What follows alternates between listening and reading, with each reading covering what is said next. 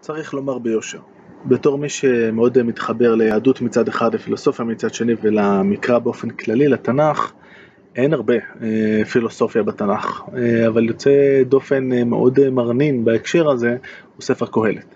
ספר קהלת שאנחנו בגדול כולנו זוכרים מהמעט שיצא לנו לתקל בו מדי פעם שהוא בעיקר ספר נורא פסימי שכתב שלמה המלך או משהו כזה יש בו באמת המון המון רבדים והרבה אמירות חשובות ומשמעותיות ואם אתם שואלים אותי זה בטח לא היה שלמה המלך שכתב אותו הייתי רוצה לקחת uh, כמה דקות ולעשות צלילה לתוך הספר הזה, לתוך המסרים העיקריים שלו וקצת לדבר על מה שיש לו לומר אבל למה אני כל כך אוהב אותו.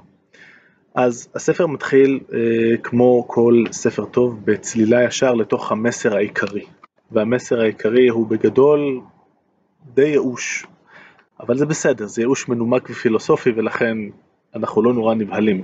אותי לפחות זה מעניין ומסקרן. דברי קהלת בן דוד, מלך בירושלים. הבל הבלים, אמר קהלת, הבל הבלים, הכל הבל. מה יתרון לאדם בכל עמלו שיעמול תחת השמש? דור הולך ודור בא, והארץ לעולם עומדת.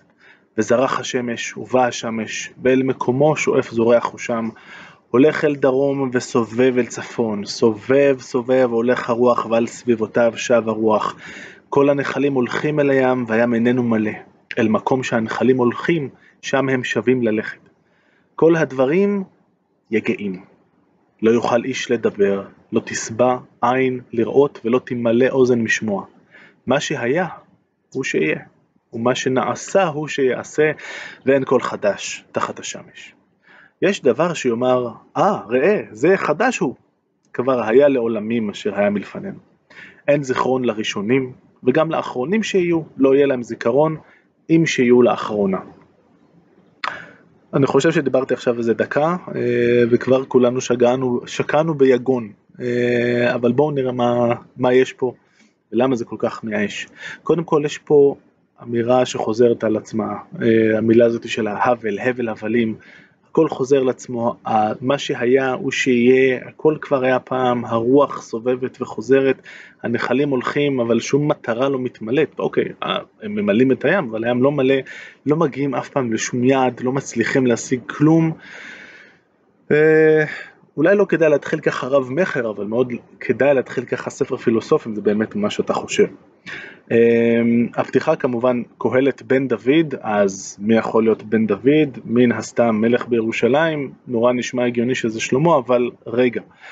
קודם כל, אה, אמנם לי קוראים איתן בן דוד, אני לא הבן של שלמה המלך, אה, של, של דוד המלך, זה שקוראים לו בן דוד, יכול בהחלט להיות שפשוט מתייחס לזה שדוד המלך הוא אחד מאבותיו, הרי כל המלכים האלה אה, שמלכו ביהודה היו מבית דוד. אמ, כמו שנראה בהמשך, יש עוד סיבה שאני יכול אה, לומר למה זה לא שלמה. בכל מקרה, אה, עכשיו אחרי הפתיחה הבומבסטית, קהלת טיפה יותר לנו, נותן לנו קצת יותר מידע על איך הוא הגיע למסקנות האלה. אני קהלת הייתי מלך על ישראל בירושלים, שימו לב להייתי הזה, הוא לא אמור להיות אני, ונתתי את ליבי לדרוש ולתור בחוכמה על כל אשר נעשה תחת השמיים. נשמע טוב? לא. הוא עניין רע נתן אלוהים לבני האדם לענות בו. ראיתי את כל המעשים שנעשו תחת השמש, והנה הכל הבל ורעות רוח. אוקיי, אז אנחנו מבינים שהוא יצא לאיזשהו פרויקט של אה, חוכמה, נתתי את ליבי לדרוש ולתור בחוכמה, מסתדר לנו עם הדמות של שלמה המלך, נכון? שביקש בחלום המפורסם שלו לפני שהוא עלה למלוכה, אלוהים בא אליו וביקש, תגיד, מה שאתה רוצה, מה שבא לך אני נותן לך, רק תגיד, והוא ביקש חוכמה, המקרא מאוד מהלל אותו על זה, ואומר שהוא האדם הכי חכם שהיה, אבל תכף נראה שוב למה אני לא חושב שזה שלמה. בכל מקרה הוא מתאר את הפרויקט חיים שהוא יצא אליו, הוא יצא לפרויקט לראות אם להיות עשיר ושמח עושה טוב, נשמע כמו משהו שמלך אמור להיות מסוגל לעשות. אמרתי אני בליבי, לך נא, אנסך בשמחה וראה וטוב, והנה גם הוא הבל. תרתי בליבי למשוך ביין את בשרי, וליבי נוהג בחוכמה ולאחוז בסכלות עד אשר אראה איזה טוב לבני האדם אשר יעשו תחת השמיים מספר ימי חייהם. הגדלתי מעשיי, בניתי לי בתים, נתתי לי כרמים, עשיתי לי גנות ופרדסים, ונתתי בהם עץ כל פרי. עשיתי לי ברכות מים להשקות מהם יער צומח עצים, קניתי עבדים ושפחות ובני בית היה לי, גם מקנה בקר וצאן, הרבה היה לי מכל שהיו לפניי בירושלים.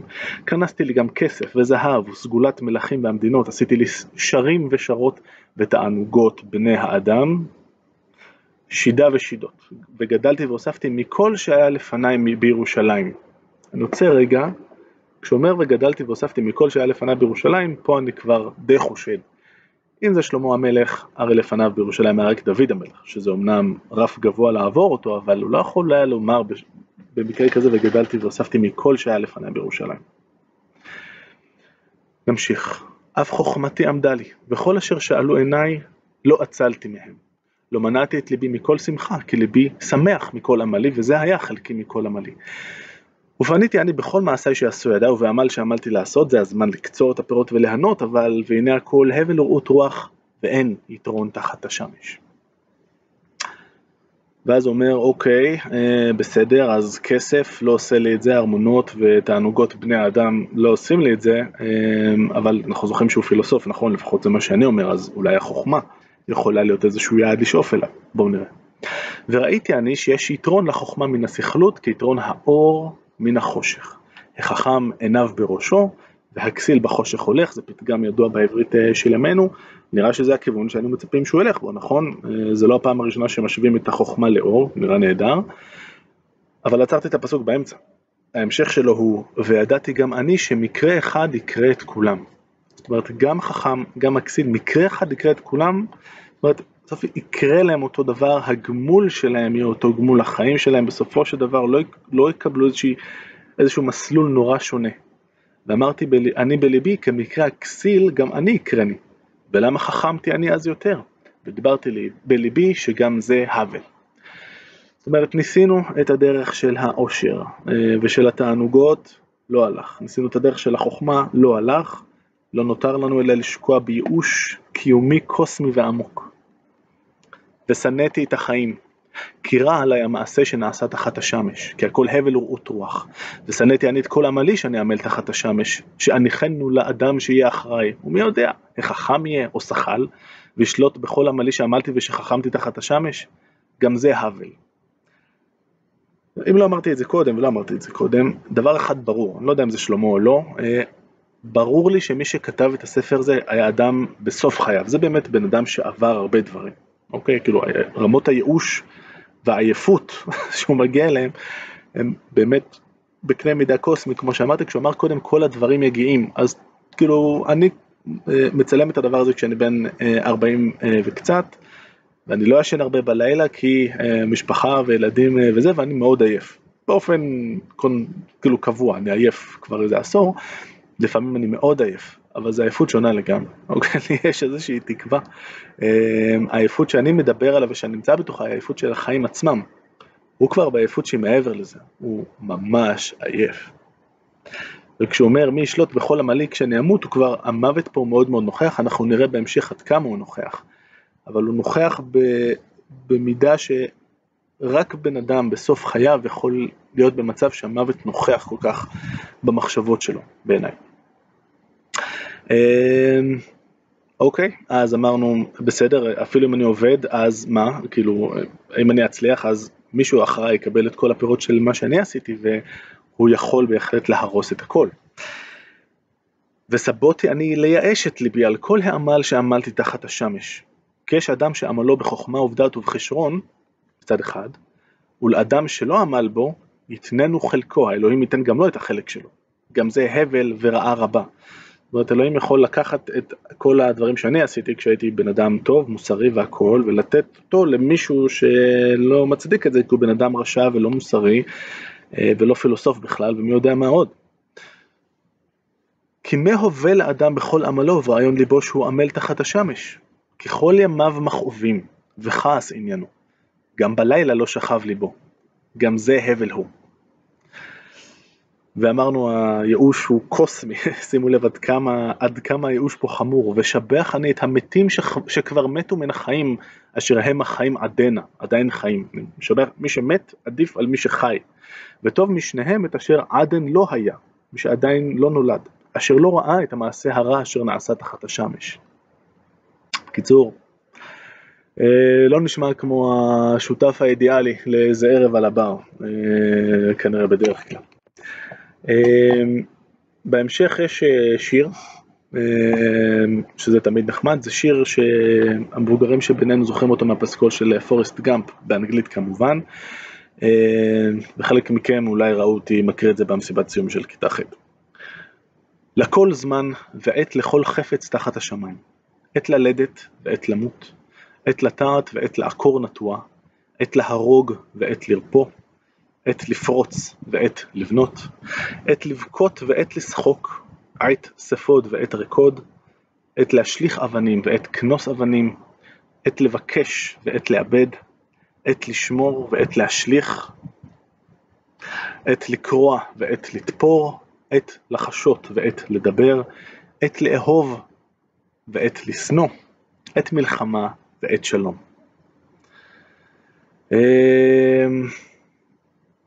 השירה הזאת היא תמיד, אה, תמיד אה, נחמדה בעיניי, אני אוהב את כל ההפכים אה, שיש כאן. ועכשיו אנחנו נמשיך למשהו שאולי ירפא לנו את כל הייאוש. סתם, לא. אני מתכוון לפוליטיקה. עכשיו הוא עובר לדבר על החיים עצמם, מה הוא רואה בחיים סביבו. והדרך שבה הוא מציג את זה גורם לי לחשוב שאולי הוא לא באמת היה מלך, תכף נראה למה.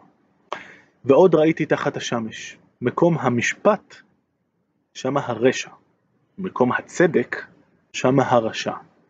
דווקא במקומות שבהם היינו מצפים, אה, המקומות שאמורים לשמור על הצדק ועל היושרה ועל המוסר, הם אף פעם לא באמת כאלה, לפחות לא במאה אחוז. תמיד המערכות סובלות מאיזשהו קלקול.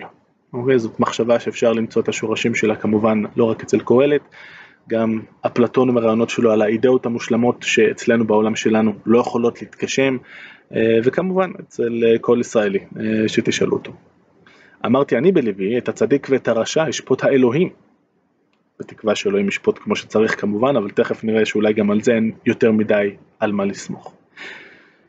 במקום אחר הוא כותב, ושבתי אני ואראה את כל העשוקים אשר נעשים תחת השמש, והנה דמעת העשוקים ואין להם מנחם, ומיד עושקיהם כוח ואין להם מנחם. אני לא בטוח שמי שחי את כל ימיו בארמון אה, יכול להיות מסוגל לכזאת, אה, להבין אה, מה קורה אצל מישהו באמת עשוק, ואני רוצה לחזור לרעיון הזה גם בהמשך. אני חושב ש... אבל הפסוק שהכי מעלה את הספק שמלך כתב אותו הוא זה: אם עושק רש וגזל משפט וצדק תראה במדינה, אל תטמע על החפץ. זה לא אמור להפתיע אותך. כי גבוה מעל גבוה שומר וגבוהים עליהם. מקובל לפרש שגבוה מעל גבוה שומר זה שהמערכת ככה שומרת על עצמה. אוקיי, גבוה מעל גבוה שומר, יש לנו איזה עסק עם מערכת מושחתת של אנשים ששומרים כל אחד יפה מאוד אה, על השני, אה, גם במחיר של רמיסת העשוקים. אחד המקומות שהכי מסקרנים אותי אה, בקהלת זה היחס שלו, מה שהוא מתאר לגבי מה קורה כשמתים, או אחרי שמתים. אה, ואנחנו נמצא כאן את ההתייחסות אולי הכי מפורשת במקרא, אה, אולי חוץ מההעלאה באוב של שמואל על ידי שאול, למי שזוכר, הוא מעלה אותו מהשאול, ואז שמואל כמובן צועק עליו, כי זה מה ששמואל יודע לעשות, אבל על זה לא עכשיו. זאת התייחסות לדעתי הכי מפורשת במקרא לגבי מה קורה אחרי המוות, וזה ממש ממש לא מה שסיפרו לנו. כי מקרה בני האדם ומקרה הבהמה מקרה אחד להם, כמות זה כן מות זה. ורוח אחד לכל. מותר האדם מן הבהמה אין כי הכל הבל. הכל הולך אל מקום אחד. הכל היה מן העפר, והכל שב אל העפר. שוב אותה מחזוריות שדיברנו עליה מההתחלה. מי יודע רוח בני האדם העולה היא למעלה, ורוח הבהמה היורדת היא למטה לארץ?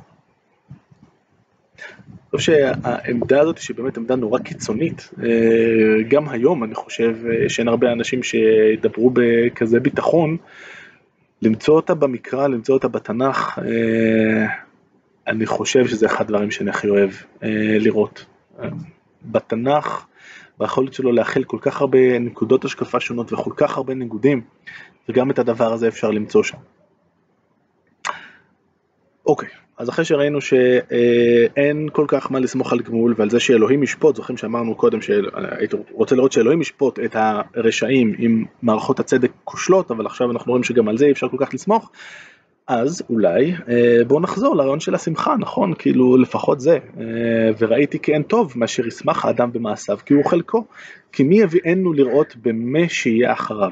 זאת אומרת, אוקיי, אין לי מה לסמוך על זה שמה שאני אשיג, המפעלים שלי יחזיקו אחר כך, אין מה לסמוך על צדק, אין מה לסמוך על, על אלוהים ועל הגמול ועל גן עדן ועל גיהנום, כל הדברים האלה, אז לפחות בואו נעשה שמח, בואו נעלה פה על השולחנות. בכל זאת.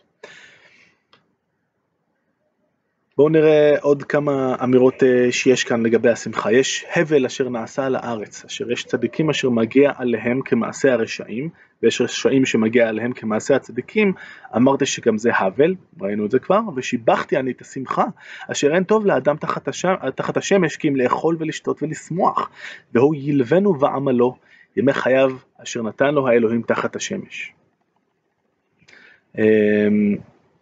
ועכשיו לפסוק אה, שלפחות אצל הספרדים, או אחד מהפסוקים שמסיימים את יום כיפור, תראו איזה כיף, איזה רוח של אה, קצת אה, קלות, אמ, קצת שמש שפורצת את העננות הכבדה שמלווה את הספר הזה. לך אכול בשמחה לחמך, ושתה ולב טוב ינך, כי כבר רצה האלוהים את מעשיך, אתה בסדר. אז לך תשתה יין, לך תאכל לחם, יהיה בסדר. ראה חיים עם אישה אשר אהבת. כל ימי חיי הבלך אשר נתן לך תחת השמש, כל ימי הבלך, כי הוא חלקך בחיים, ובעמלך אשר אתה עמל תחת השמש.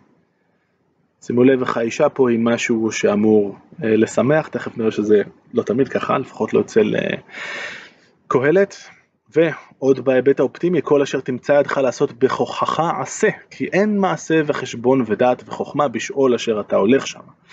אומרת, בשאול אתה כבר לא תוכל לעשות כלום, אה, אנחנו גם רואים את הרעיונות האלה אה, עוד, אה, עוד אצל הומרוס, באליאדה ובאודיסאה, יש איזה קטע שמדברים עם אכילס אני חושב, שהוא בשאול ואומר חבר'ה אני פה לא יכול לעשות כלום, הכל, אני כבר מת, הכל אצלכם בידיים.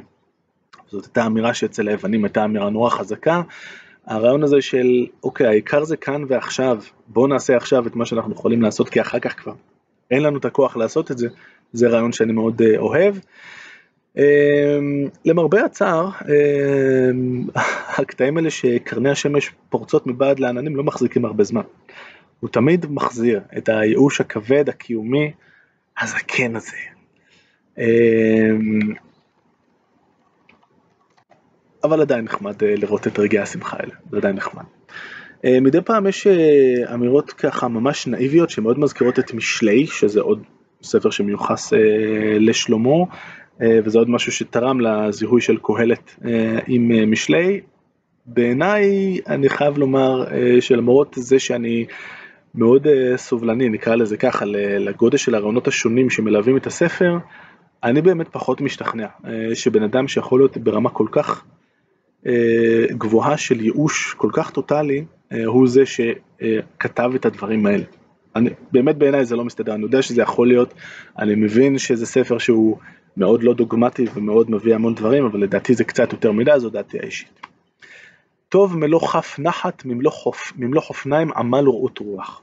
טובים השניים מן האחד, אשר יש להם שכר טוב בעמלם, כי אם ייפולו האחד הקים את חברו, ואילו האחד שיפול, ואין שני להקימו. מתוקה שנת העובד עם מעט ועם הרבה יאכל, והסבה לעשיר איננו מניח לו לישון. אגב זה פסוק שאני באמת מאוד אוהב, ואין שום סיכוי שמלך שחי את כל חייו בארמון מלא בפינוקים, כותב כזה דבר, מבין את, ה... את החיים עצמם בעיניי, איך שאתה ישן בלילה במידה רבה זה החיים עצמם. שלח לכם מיכל פני המים כי ברוב האהבים תמצאנו, טוב שם משמן טוב, את זה גם אנחנו מכירים, אבל עבדתי עליך, נצרתי באמצע הפסוק, שימו לב איך זה ממשיך. אוקיי, טוב שם משמן טוב, אנחנו מכירים את זה, אבל ויום המוות טוב יותר מיום היוולדו. טוב ללכת אל בית אבל, מלכת אל בית משתה, באשר הוא סוף כל האדם, והחי ייתן אל ליבו. עדיף ללכת לבית אבלים, כי זה יותר יעזור לך בחיים מאשר עכשיו לשתות כמה בירות עם החבר'ה. כדי שתיזכר מה טוב בחיים, אגב, אני חייב לומר אה, שיש בזה משהו שאני מתחבר אליו. טוב כעס משחוק, כי ברוע פנים ייטב לב. שוב אמירה מאוד גברית ומאוד אה, קשוחה. אה, טוב לשמוע גערת חכם מאיש שומע שיר כסילים. אה, אבל שנייה, ממש שנייה, שניים שלושה פסוקים אחרי שהוא מהלל ככה את הכעס ואת הגערות, הוא כותב אל תבהל ברוחך לכעוס כי כעס בחיק כסילים ינוח.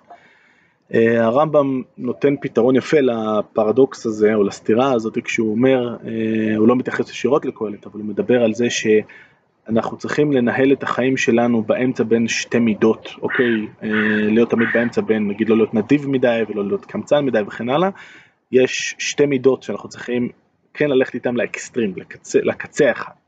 העמדה האחת, התכונה האחת היא ענווה, חייבים להיות עד כמה שיותר ענבים, והדבר השני הוא כעס, לא לכעוס אף פעם. אבל כן, צריך לפעמים להיראות כאילו אנחנו כועסים. אם אנחנו עכשיו בתפקיד של אה, חינוך, אם זה חינוך של הציבור, ואם זה חינוך בבית ספר, וגם אם זה חינוך אה, של ילדים. כשאני רואה את הילד שלי אה, בן השנתיים רץ לכביש, זה לא יעזור אם אני אתחיל להסביר לו על האנרגיה הקינטית אה, של הרכב שהוא מפגע פה, בואו, והנטע הזוויתי ומה שיקרה ואז אה, הוא עלול להיפגע וכולי, אני צריך לשאוג עליו, אוקיי? הוא צריך לראות את אבא כועס, זה מה שהוא יכול להבין ולכן אני צריך לפעמים להיראות כאילו אני כועס. זה הפתרון של הרמב"ם, אה, קהלת לא נכנס לתוך הדבר הזה, נוח לו או למי שבסופו של דבר ערך את הספר, לתת אמירות שהן גם בעד וגם נגד הכעס.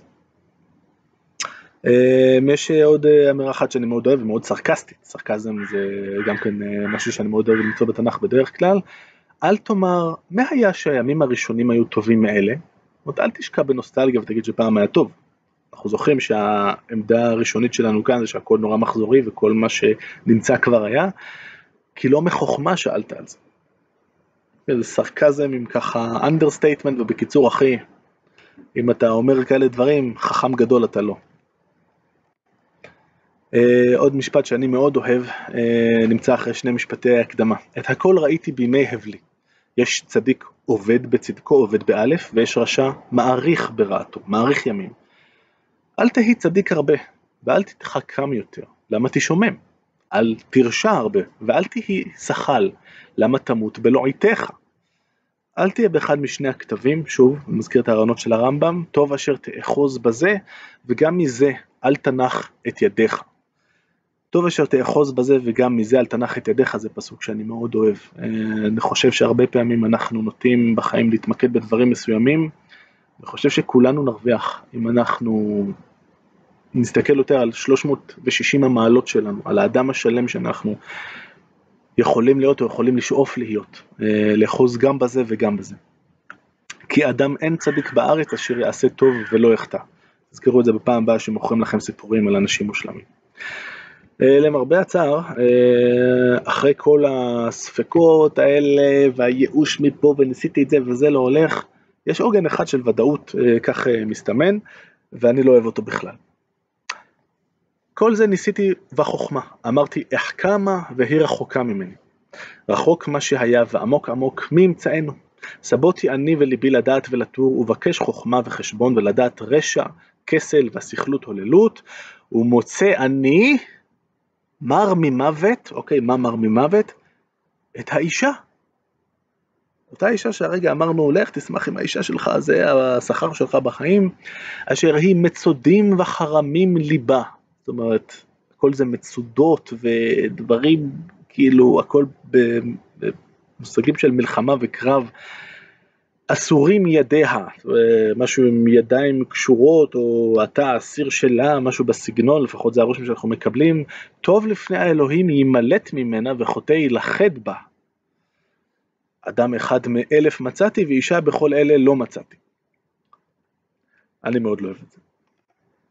אנחנו מתקרבים לסוף, אמ, ויש איזה מעבר אמ, מעבר קצר מהתייחסות לגיל הצעיר של האדם למה שקורה אה, כשאנחנו מתקרבים למוות, לסוף החיים. הוא מתאר את, הסוף של המוות בצורה מאוד שירית, אה, כמו שאנחנו נראה עוד רגע, זה אחד מהרגעים הכי יפים אה, של העברית שאני מכיר, מסתדר עם, עם המוד הכללי של הייאוש שאופף אותנו במהלך הספר. שמח בחור בילדותך, והיטיבך לבך בימי בחורותיך. והלך בדרכי לבך ובמראה עיניך. עד עכשיו הכל נחמד, מאוד מתקשר לאחד מהרגעים האלה של קרני האור שדיברתי עליהם, עליהם קודם, שהן פורצות מבין העננים. ודע כי על כל אלה יביאך האלוהים במשפט. עכשיו זה אה, משהו שמצד אחד אומר, כאילו, אוקיי, לך תחגוג, אבל אחרי זה אנחנו ניכנס בך. לי זה נראה כמו משפט שככה נדחב פנימה אחר כך. אני לא מאמין אה, שמישהו שיכול היה לכתוב את מה שהוא כתב אה, קודם, על מי יודע אם הנשמה של בני אדם עולה למעלה והנשמה של הבהמות יורדת למטה, אני לא מאמין שמישהו שהגיע לכזאת עמדה יכול להגיד, שמע, ואחר כך אנחנו נזמבר אותך. באמת שזה לא נראה לי, ושוב, אני יודע, זה לא ספר דוגמטי, זה ספר עם הרבה מאוד עמדות שונות, נראה לי לגמרי כמו משהו שדחפו פנימה. וזכור את בוראיך בימי בחורותיך, עד אשר לא יבואו ימי הרעה, והגיעו שנים אשר תאמר, אין לי בהם חפץ. הארבע מילים האלה, אין לי בהם חפץ, זה מצמרר אותי כל פעם מחדש. כשאני חושב על הימים האלה שאולי נכון לחלקנו, אה, מי שלא יתברך אה, במוות אה, מהיר כשהוא בשיאונו ויידון לאיזושהי הידרדרות איטית ומייסרת, ימים אשר תאמר אין לי בהם חפץ. מצמרר. עד אשר לא תחשך השמש והאור, והירח והכוכבים, ושבו העבים אחר הגשם.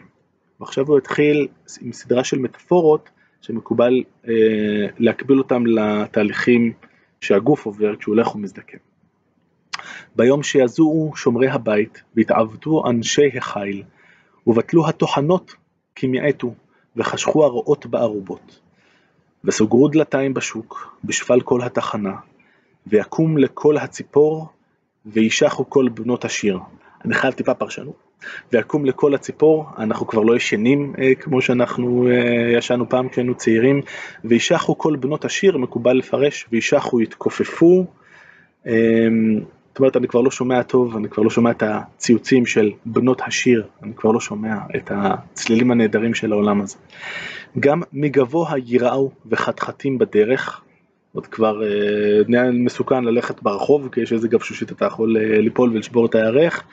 וינץ השקד ויסתבל החגב ותפר האביונה, מקובל לפרש את זה כאובדן החשק המיני, כי הולך האדם אל בית עולמו וסבבו בשוק הסופדים, עד אשר לא ירתק חבל הכסף ותרוץ גולת הזהב ותישבר כד על המבוע ונרוץ הגלגל אל הבור, וישוב העפר על הארץ כשהיה, והרוח תשוב אל האלוהים אשר נתנה.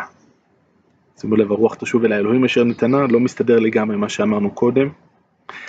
הבל הבלים אמר הקהלת הכל הבל.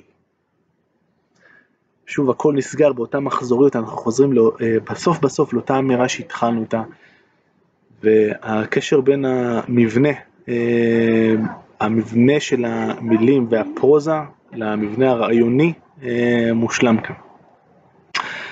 את הספר סוגרת איזושהי פסקה שבאמת היו עליה הרבה ויכוחים בקרב הפרשנים על עד כמה היא אה, תפורה פנימה ונכתבה אחר כך או שהיא הסוף הייתה כלולה בספר מלכתחילה. אני חושב שקודם כל זה ש... כאילו תכף תראו איך מי שמדבר זה כבר לא קהלת, זה כבר לא גוף ראשון, ובטח התוכן אה, מובילים אותי לפחות למסקנה די ברורה. ויותר שהיה קהלת חכם, עוד לימד דעת את העם, ואיזן וחיקר תיקן משלים הרבה.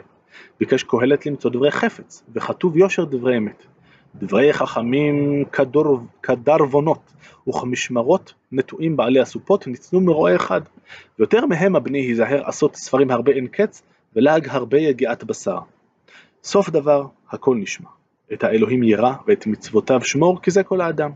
כי את כל מעשה האלוהים יביא במשפט על כל נעלם, אם טוב ואם רע. יש לי הרבה מה להגיד על זה, אבל את זה אני אשמור לכם. עד כאן על אה, קהלת, ספר שאני באמת מאוד אוהב. הבטחתי פילוסופיה, היה פה הרבה פילוסופיה. אמ, אני חושב שזה אחת הסיבות היותר כיפיות, או לא כיפיות, אבל יותר עמוקות לאהוב את התנ"ך.